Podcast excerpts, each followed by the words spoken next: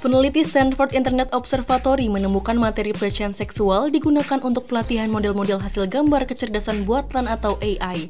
Peneliti membongkar temuan gambar materi pelecehan dalam data publik pelatihan AI yang diduga digunakan untuk mempermudah model AI membuat gambar baru dan realistis terkait deepfake. Kumpulan data besar yang diteliti disebut LAION5B, berisi miliaran gambar yang diambil dari media sosial dan situs web hiburan dewasa. Dikabarkan, organisasi terkait kumpulan data itu sudah menerima salinan penelitian dari Stanford dan tengah mengevaluasi temuan ini.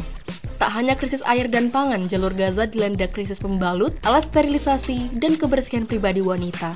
Melansir The New Arab, wanita di jalur Gaza Palestina terancam penyakit akibat tidak adanya alat kebersihan selama perang terjadi. Bahkan, dikabarkan ada seorang wanita yang melahirkan di tengah perang mengalami infeksi bakteri genital lantaran tidak ada pembalut dan alat-alat selama masa pasca melahirkan.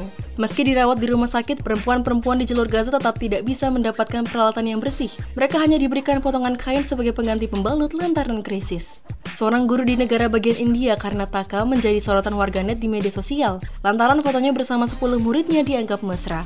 Diketahui foto itu berasal dari kegiatan study tour ke Cikabalapur. Belakangan diketahui dia bukan sekadar guru melainkan kepala sekolah SMA Negeri Desa Murugamala.